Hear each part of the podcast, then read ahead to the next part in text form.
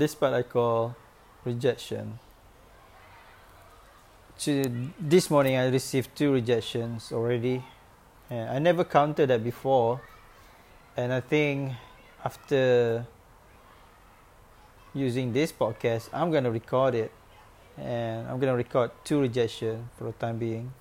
So that in the future I can tell, I can share with you once I become successful that I received probably like 111 rejection.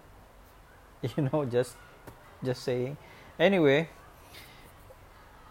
i encourage people i encourage uh, entrepreneur startup entrepreneur to use that rejection as a fuel to really go forward and to to go stronger to do better because that rejection are are good feedbacks for you use that rejection as a feedback so that you know which area you need to amend. If you think that you need to amend you need to fix a few things you you will know it from the rejection you know?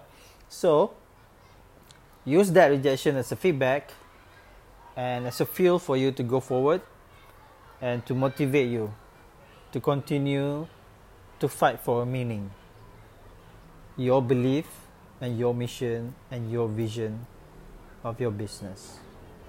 Use that. Nobody can take that away. It's yours.